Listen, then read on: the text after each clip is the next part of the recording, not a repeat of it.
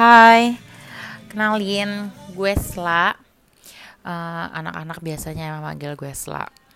Uh, gue bikin podcast ini, ini podcast pertama kali gue ya.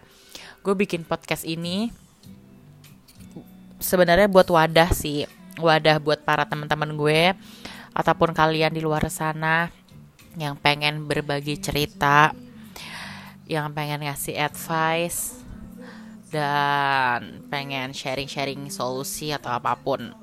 Gue sediain wadah ini buat kalian cerita sepuas hati kalian yang orang-orang perlu tahu apa sih yang buat diri kalian menjadi begini.